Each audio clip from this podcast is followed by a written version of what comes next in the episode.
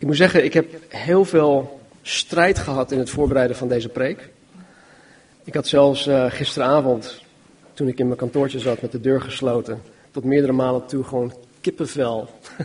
Dat het voelde alsof mijn haren op, me, op de achterkant van mijn nek recht overeind stonden. En ik dacht van, nee, wat is dit nou? En uh, was vanmorgen ook vroeg op. En ik bad, oh heer, laat, dat, laat het me alsjeblieft niet weer overkomen, want ja, daar heb ik geen zin in. Ik vind het best wel eng.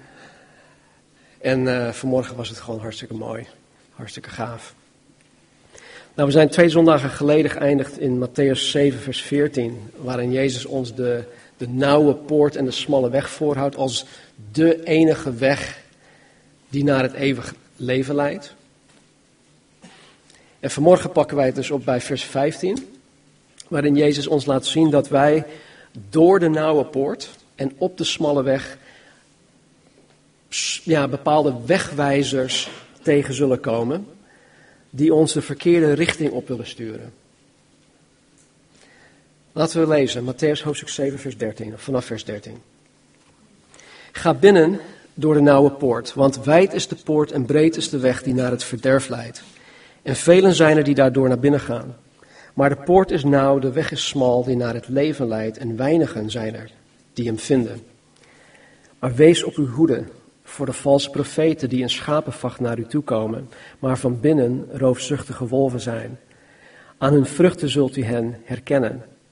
Men plukt toch geen druif van doornstruiken of vijgen van distels? Zo brengt iedere goede boom goede vruchten voort en een slechte boom brengt slechte vruchten voort. Een goede boom kan geen slechte vruchten voortbrengen en een slechte boom kan geen goede vruchten voortbrengen. Iedere boom die geen goede vrucht voortbrengt, wordt omgehakt en in het vuur geworpen. Zo zult u hen dus aan hun vruchten herkennen.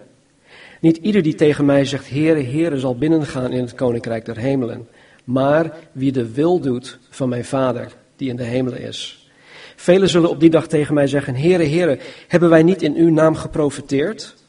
En in uw, in, uw naam demonen uitgedreven en in uw naam veel krachten gedaan? Dan zal ik hun openlijk zeggen, ik heb u nooit gekend, ga weg van mij u die de wetteloosheid werkt. Tot zover. Nadat Jezus zijn discipelen en ook ons in 2,5 hoofdstukken, vanaf hoofdstuk 5 tot en met dit gedeelte, heeft onderwezen hoe, uh, hoe de echte christen eruit ziet. En, en hoe het leven in Gods koninkrijk, koninkrijk eruit ziet. Dwingt Jezus ons hier in vers 13 en 14 tot het maken van een keus. En daar hebben we het een paar weken geleden over gehad. Het is of het eeuwige leven of de eeuwige verdoemenis. Jezus leert ons dat de poort en de weg die naar het leven leidt moeilijk te vinden is. Dat zegt hij hier. Twee weken geleden hebben we gezien wat een gevecht het is. Vooral met onszelf om de nauwe poort binnen te kunnen gaan. We hebben gezien dat Jezus ons ook aanspoort om te strijden om die nauwe poort binnen te gaan. En nu in de rest van hoofdstuk 7 wil Jezus ons slechts één zeer belangrijk beginsel, één gewichtige boodschap meegeven. Er is maar één ding waarop Jezus de nadruk legt en dat is hoe belangrijk het is in te gaan door de nauwe poort en zeker te weten dat we werkelijk op de smalle weg wandelen. En aan allen die, dit, die de, de bewuste keus gemaakt hebben om dit te doen, door de nauwe poort heen gaan, op de smalle weg wandelen, laat Jezus enkele gevaren, obstakels en belemmeringen zien. En hij noemt één in vers 15. Hij zegt: Wees op uw hoede voor de valse profeten, die in schapenvacht naar u toe komen, maar van binnen roofzuchtige wolven zijn. Jezus geeft ons hier een, een, een zeer ernstige waarschuwing. En wat hier vertaald wordt als wees op uw hoede, betekent in de, grondtekst dit dat men zich op iets aanhoudt of richt. En je moet je daarop aanhouden, je moet je daarop richten. Je moet je aandacht daarop richten. Het, het betekent ergens op toezien. Het betekent ook de wacht houden. Het betekent zich wachten voor, of zich hoeden voor, of oppassen voor. Het betekent zich bezighouden met, zich inlaten met en zich toeleggen op. Voor Jezus, de goede herder, is dit een hele serieuze zaak.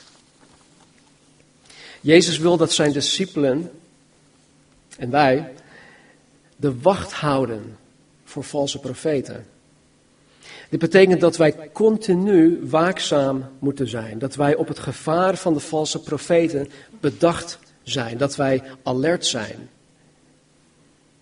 En wat ik zo fijn vind van Jezus, of een van de dingen, is dat Hij ons niet alleen waarschuwt, maar ons ook leert waarvoor wij op onze hoede moeten zijn. En in dit geval valse profeten. Nou, een profeet. Ik denk als ik het woord profeet zo in de groep gooi, dan hebben we allemaal wel een bepaald beeld van wat een profeet is. Maar laat ik het even definiëren vanuit, vanuit hoe ik Gods woord begrijp. Een profeet is een mens door God uitgekozen om zijn spreekbuis te zijn. Een profeet is een mens door God uitgekozen om zijn spreekbuis te zijn. Toen God Mozes riep om het volk Israël te verlossen uit de slavernij in Egypte, wat deed Mozes? Super, geweldig, ik ga het doen. Nee, hij sputterde tegen. Hij kwam met allerlei redenen om het niet te gaan doen. Hij zegt, ja, maar ik, ik, ja, ik ben niet wel bespraakt, ik, uh, ik heb een dikke tong en, enzovoort enzovoort. Je kan beter iemand anders zoeken, God. Maar God zei tegen Mozes op dat moment dat God zijn woorden in de mond van Mozes zou leggen. En met andere woorden, God zou door Mozes heen spreken. God had Mozes gekozen om zijn spreekbuis, oftewel om zijn profeet te zijn. Een echte profeet van God is simpelweg iemand die door God zelf gekozen is om namens hem tot de mensen te spreken. In het Oud Testament en tijdens het schrijven van het Nieuw Testament was de inhoud van datgene uh, dat de profeten spraken vaak voorspellend of openbarend. En de dingen die Johannes de apostel bijvoorbeeld schreef, dat waren allemaal nieuwe openbaringen. De dingen die Paulus schreef, dat waren allemaal nieuwe openbaringen. Het fundament is gelegd. Maar dit is slechts één aspect van profeteren. Een ander aspect van profeteren is simpelweg het uitleggen van Gods waarheid. Het onderwijzen namens God. Er werd voor mij, voor mij vanmorgen door iemand gebeden. En zijn gebed voor mij was: Heer, spreek uw woorden door Sten heen. Met andere woorden, Heer, laat Sten op dit moment uw profeet zijn. In deze zin heeft iemand die door God gekozen is om zijn woord de Bijbel te onderwijzen, de genadegave uit 1 Korinthe 12 tot met 14 van profeteren. Niet helemaal, maar het is wel één aspect daarvan. In de tijdperk van de gemeente, dus nu dus, heeft profeteren voornamelijk dit karakter. Judas zegt, uh, spreekt over het geloof dat eens en voor altijd aan ons overgeleverd is. Dus er is geen sprake meer van nieuwe openbaringen die aan, aan ons gegeven moeten worden. Alles wat we nodig hebben staat in de Bijbel. Dus wanneer wij in het Nieuw Testament het woord profeet tegenkomen, wil dat nog niet zeggen dat wat hij zegt per se iets is dat voorspellend is of openbarend is. Het is zeker geen nieuwe openbaring. Hij spreekt namens God, die hem hiertoe geroepen en aangesteld heeft. En hij spreekt voornamelijk wat God, God reeds geopenbaard heeft in de Bijbel. Nou, ik moet er wel bij zeggen dat wanneer een door God gekozen en aangestelde Bijbelleraar Gods woord in de gemeente opent, dat de Heilige Geest aan het werk gaat door middel van het woord dat geopend wordt. En er is dus een hele bijzondere dynamiek die, die plaatsvindt wanneer wij Gods woord openen. De Heilige Geest gaat daarmee aan de slag. Hoe vaak komen jullie eh, in de dienst met bepaalde vragen of lasten of zaken die jullie bezighouden en kom je hier, dan krijg je een preek te horen en dan zijn bepaalde vragen die je hebt beantwoord. Of je zegt van, joh, ik zit al maandenlang met, met, met deze vraag of met dit.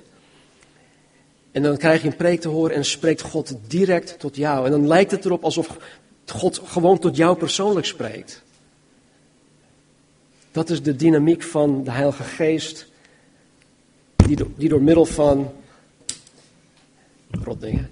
Die door, die door middel van de gave van profetie tot ons spreekt. Het is het profetisch aspect van het onderwijzen van Gods woord in actie. Nou, een valse profeet is iemand die niet door God gekozen is om zijn spreekbuis te zijn. Een valse profeet is een, een zelfgekozen mens die zich voordoet alsof hij namens God spreekt. En dit speelt zich al af vanaf de tijd in de Hof van Eden. En toen Satan namens God sprak en Eva misleidde. En door de hele Bijbel heen zien wij dat er altijd al valse profeten waren. Laten we naar Deuteronomium gaan. Deuteronomium hoofdstuk 13. Deuteronomium 13, vers 1. Bladzijde 277. Als in uw midden een profeet opstaat of iemand die dromen heeft en u een teken of wonder geeft, en dat teken of dat wonder waarvan hij tot u gesproken had, komt of uitkomt, en hij zegt, laten we achter andere goden aangaan die u niet kent, en laten we die dienen, luister dan niet naar de woorden van die profeet of naar hem die die dromen heeft. Want de Heere uw God stelt u dan op de proef om te weten of u de Heere uw God lief hebt met heel uw hart en met heel uw ziel.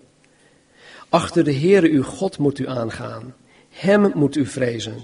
Zijn geboden moet u in acht nemen en zijn stem gehoorzamen.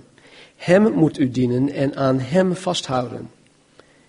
En die profeet, of hij die die dromen heeft, moet gedood worden, omdat hij heeft opgeroepen afvallig te worden aan de Heere uw God, die u uit het land Egypte heeft geleid en u uit het slavenhuis verlost heeft. En omdat hij u wilde afbrengen van de weg die de Heere uw God u geboden heeft daarop te gaan. Zo moet u het kwaad uit uw midden wegdoen. Tot zover. Valse profeten, dit klinkt heel heftig, maar zij functioneren in de kracht van Satan. En ook zij tappen vanuit een bovennatuurlijke bron. Dus het is mogelijk dat zelfs een valse profeet iets accuraat kan waarzeggen.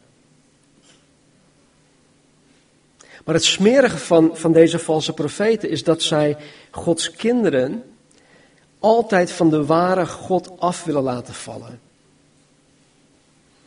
En vandaar dat Jezus ons zo ernstig hierover waarschuwt. In Jeremia 14, 14 zegt, zegt God dit. De Heere, of zei uh, Jeremia dit. De Heere zei tegen mij, die profeten profeteren vals in mijn naam. Ik heb hen niet gezonden. Ik heb hun geen opdracht gegeven en ik heb, het, ik heb het, eh, en ik heb niet tot hen gesproken. Zij profeteren u een leugenvisioen, waarzeggerij, holle praat en bedrog van hun eigen hart.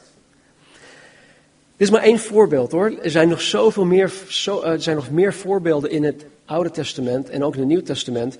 waarin God zegt dat hij deze valse profeten niet gezonden heeft. En dat zij zeer zeker niet namens God spreken. Vandaar de waarschuwing: wees op, uw hoede voor de valse profeten, die in schapenvacht naar u toe komen, maar van binnen, binnen, van binnen roofzuchtige wolven zijn. De echte profeten kon men herkennen door onder andere hun kleding. Dat is heel raar, maar dat was echt zo. Jeremia droeg een, een jutezak. Ik weet niet of jullie thuis een jutezak hebben. Nee. Sinterklaas, ja, komt eraan. Het, het, het voelt niet lekker aan, zo'n jutezak. Heel af en toe halen Marnie en ik aardappelen of uh, maiskolven bij de, bij de boer. En dan gooit hij ze in zo'n ruwe jutezak. Maar goed, Jeremia droeg, droeg zoiets. Daniel ook. En Johannes de, de Doper droeg kleding van kameelhaar. Nou, zij deden dit om aan te geven dat zij zichzelf de, de, de comfort van het leven onthielden. Ook was het zo dat jute erg grof is en dat het schuurt en het prikt. En dit gaf ook aan dat hun boodschap niet een boodschap was dat mensen comfortabel maakte, maar juist mensen uitdaagde om zichzelf te gaan onderzoeken. Het, het schuurt. En net als Gods woord ons ook niet altijd comfortabel maakt. Het gaat dwars tegen ons, ons, ons, ja, ons in. Hun boodschap verwees men niet naar de comfortabele, wijde poort en brede weg, maar juist het tegendeel. Dus wanneer iemand zichzelf wilde vermommen als een profeet van God, droeg hij of zij kleding van een profeet. Nou, Jezus zegt hier dat de valse profeten naar ons toe komen in schapenvacht. In die tijd was het gebruikelijk dat een schaapherder kleding had van wol. Dat is logisch. Hij had schapen die hij onder zoveel tijd moest scheren, dus hij had zat wol om daarvan kleding te kunnen maken. Dus wat Jezus hiermee bedoelt is niet zozeer dat de valse profeet zich vermomt als een schaap, maar dat hij zich vermomt als een herder van de schapen.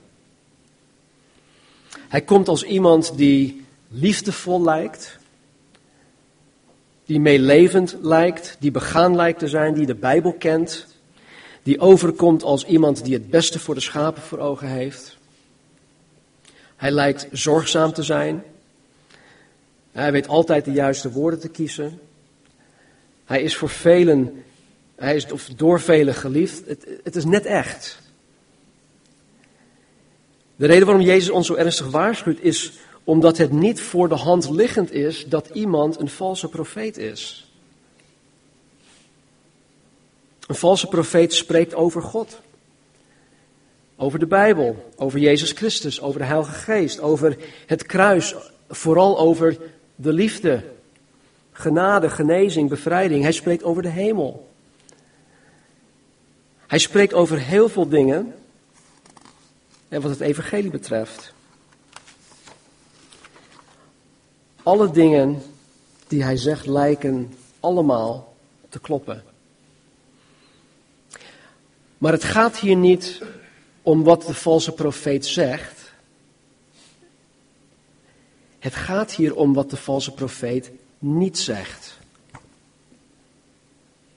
Ja, het gaat hier niet om wat hij zegt, maar het gaat om wat hij niet zegt. De valse profeet, ook door Jezus valse leraar genoemd, zal niet spreken over het arm van geest zijn. Wat Jezus ons leert in de zaligsprekingen. Hij zal, niet, hij zal het niet hebben over uh, het treuren over mens zonde. Over het hongeren en dorsten naar de gerechtigheid. Over vervolgd worden om de gerechtigheid. Om, over vervolgd en gesmaad worden omwille van Jezus. De valse profeet zal niet spreken over het verlogenen van jezelf. Of over het sterven aan jezelf.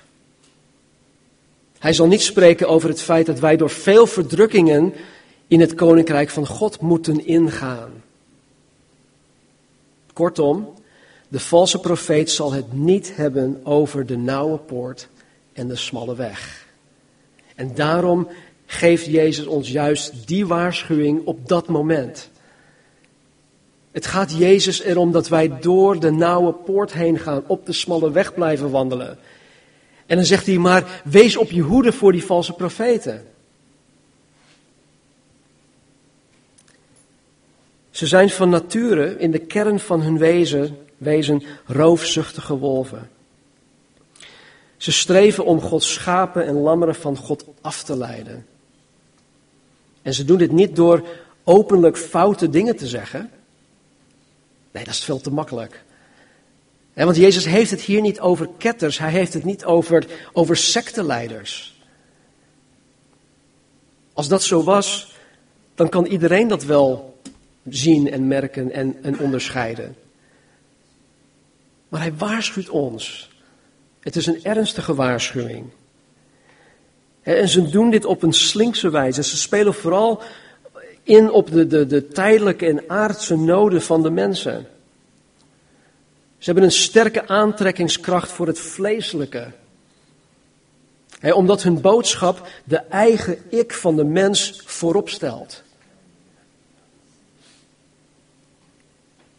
Ze staan als het ware voor de nauwe poort en zeggen dat het niet echt nodig is om door deze nauwe poort binnen te gaan. Er zijn alternatieven. Dat hoeft niet per se.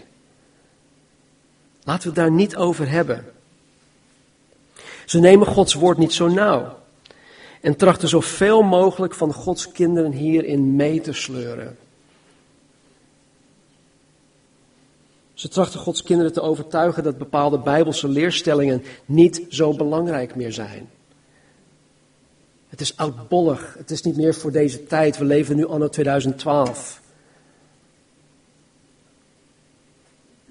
Ze zijn niet zo belangrijk, althans niet belangrijk genoeg om erover verdeeld te raken. Laten wij elkaar gewoon lief hebben, mensen. Weet je, ik, een paar jaar geleden had ik een gesprek met een, een beleidende, wedergeboren, geestvervulde christen. Hij had mij zelfs verteld dat hij een bediening van profetie, of profeteren of profetie van God gekregen had. En in dat gesprek hadden wij het over een specifieke zaak en wij keken naar wat de Bijbel hierover te zeggen had. De Bijbel stond open op tafel en we lazen de Bijbel samen. En nadat wij samen het relevante stuk uit de Bijbel gelezen hadden, zei hij dat het helemaal klopte. Wat we nu gelezen heb, hebben, eh, wat, onze, wat deze situatie betreft, klopt helemaal. En hij begreep, ook, hij begreep ook waarom het zo in de Bijbel staat. Maar toen zei op een gegeven moment, en, en al slaande op de tafel, maar toch ben ik het er niet mee eens. Weet je, mijn hart brak op dat moment. Hier heb je iemand die, die, die beleidt dat hij Jezus Christus navolgt, dat hij geestvervuld is, dat hij wedergeboren is, dat hij denkt, hé, hey, ik ga naar de hemel toe, ik ben op het juiste pad. En Gods woord gewoon verlogend. Aan hun vruchten, vers 16 zult u hen herkennen. Men plukt toch geen druif van doornstruiken of vijgen van distels. Zo brengt iedere goede boom goede vruchten voort. En een slechte boom brengt slechte vruchten voort. Een goede boom kan geen slechte vruchten voortbrengen en een slechte boom kan geen goede vruchten voortbrengen. Iedere boom die geen goede vrucht voortbrengt, wordt omgehakt en in het vuur geworpen. Dat omgehakt en in het vuur geworpen, dat is um, metaforisch voor de uiteindelijke verdoemenis. En Jezus zegt dat ook tegen de fariseeën, tegen de schriftgeleerden. Zo zult u hen dus aan hun vruchten herkennen. Jezus zegt dat twee tot twee keer toe in dit stukje. Aan het begin in vers 16, aan hun vruchten zult u hen herkennen. En in vers 20, zo zult u hen dus aan hun vruchten herkennen. Wat de valse profeet zegt, en vooral wat hij niet zegt, is iets waaraan wij hem kunnen herkennen. Waarin wij hem of waaraan wij hem kunnen toetsen. Ook kunnen wij hem toetsen aan de vrucht die hij in zijn leven draagt. En de valse profeet zal niet arm van geest zijn. Hij zal niet treuren over zijn zonde. Hij zal niet hongeren en dorsten naar de gerechtigheid. Kortom, hij zal niet passen binnen het profiel van de christen zoals Jezus dat omschrijft in de zaligspreking. Hij zal zeer zeker niet zachtmoedig en nederig van hart zijn zoals Jezus dat van zichzelf zegt. En hoe ziet het leven van de valse profeet eruit? Zijn huwelijk, zijn relatie met zijn kinderen. Draagt hij daadwerkelijk de vrucht van de geest zoals omschreven wordt in Gelaten 5? Wees op uw hoede voor de valse profeten die in schapenvacht naar u toe komen, maar van binnen roofzuchtige wolven zijn. Ga binnen door de nauwe poort, want wijd is de poort en breed is de weg die naar het verderf leidt. Velen zijn er die daardoor naar binnen gaan. Maar de poort is nauw en de weg is smal die naar het leven leidt. En weinigen zijn er die hem vinden. Lees in je eigen tijd 2 Petrus hoofdstuk 2. 2 Petrus hoofdstuk 2. Dat gaat om valse profeten. Paulus was op de terugweg vanuit Azië naar Jeruzalem toe. En hij stopte op een gegeven moment en hij riep de, ou- de oudsten vanuit Efeze naar zich toe. En hij hield daar een soort van pastorsconferentie. En hij zei tegen hun dat hij drie jaar lang onder tranen hun had onderwezen. En dat hij hun had gewaarschuwd. En op een gegeven moment zegt hij dan, ehm, wanneer ik wegga, zullen valse profeten uit je eigen gelederen opstaan. Die de kudde niet zullen besparen. Het is echt. Het is niet, mijn boodschap. Ik had het liever over willen slaan.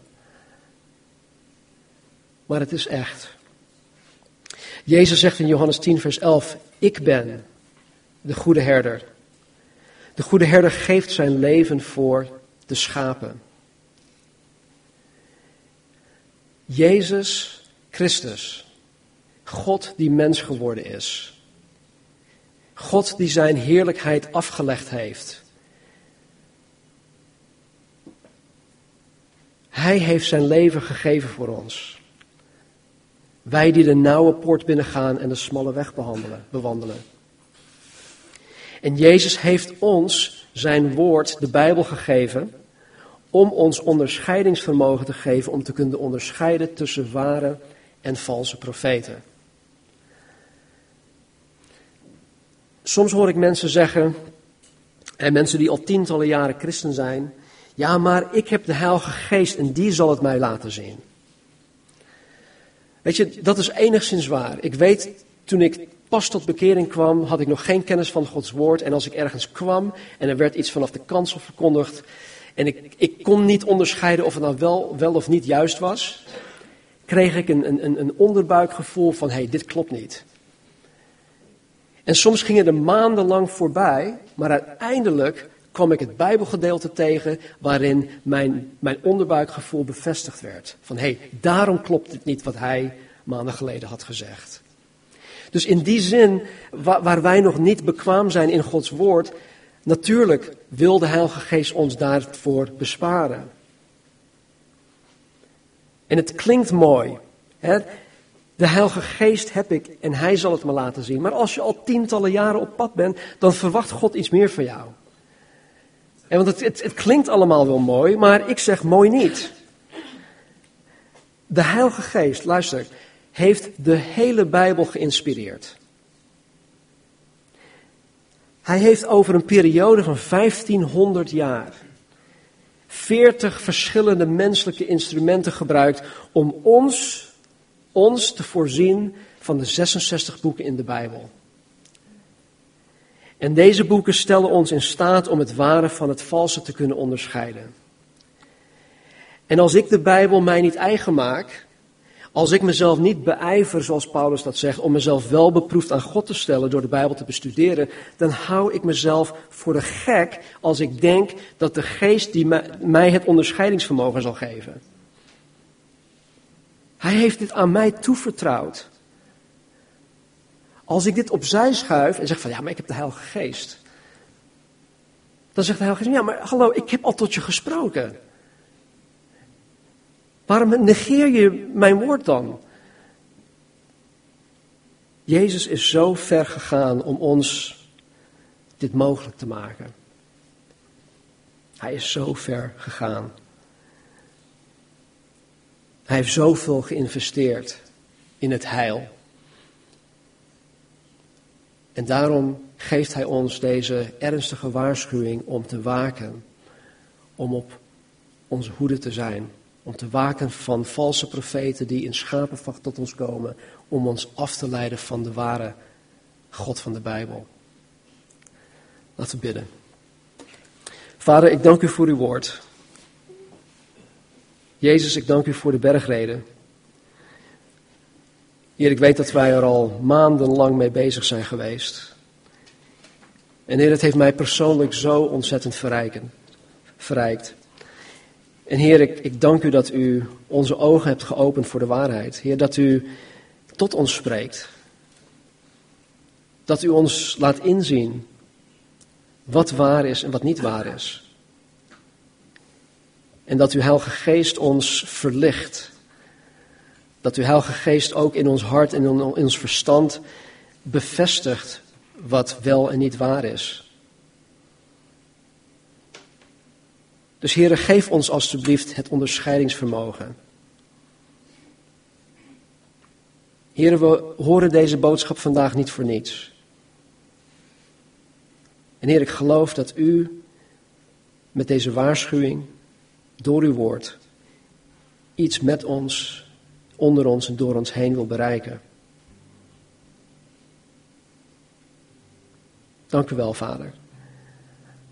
Dank u wel dat u zo begaan bent met ons. Dank u wel dat u zo zorgvuldig bent geweest in het schrijven, het vastleggen, het preserveren van uw woord. Help ons, heren, om het, om het zo hoog te achten. Als de ultieme autoriteit in ons leven. Dat we daarnaar leven. Dat we het ons eigen maken. Dat het woord ook gestalte in ons krijgt. Jezus, dank u wel dat u zo ver bent gegaan om mij te redden.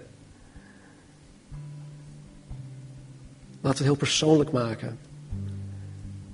Jezus, u bent gekomen om mij te redden. Heer, u bent de goede herder.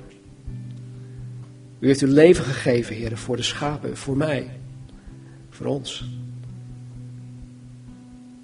En ik dank u, Heer. Zoals Roelof vanmorgen ook las uit Jesaja, Heer, dat u ons vergeeft. Heer, al waren onze zonden als uh, scharlaken, denk ik, heet dat. U wast ze witter, wast ons witter dan de sneeuw. En heren, dat is niet alleen een juridisch gebeuren, heren. U neemt ook alle schuldgevoelens van ons weg.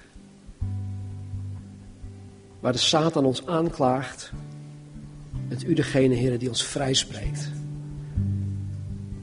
Dank u wel, Heer. U bent zo geweldig goed. Amen.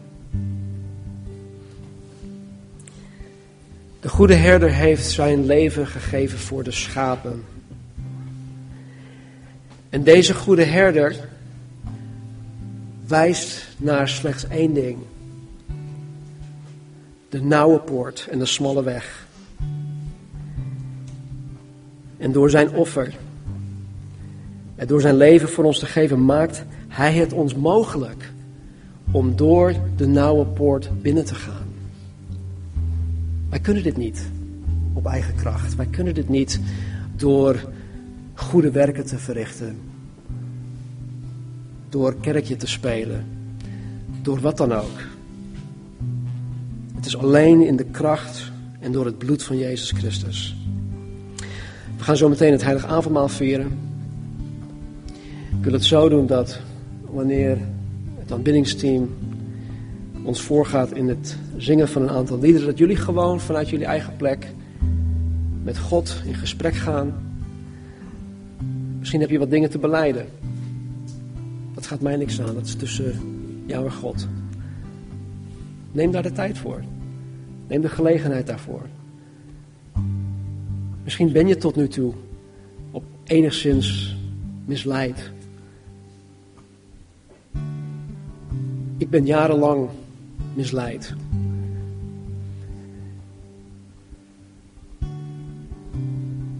God is goed. Wanneer je er klaar voor bent, kom naar voren toe. Neem zelf ook de elementen. Neem die ook terug naar je stoel. En dan uh, kom ik zo meteen weer naar voren toe.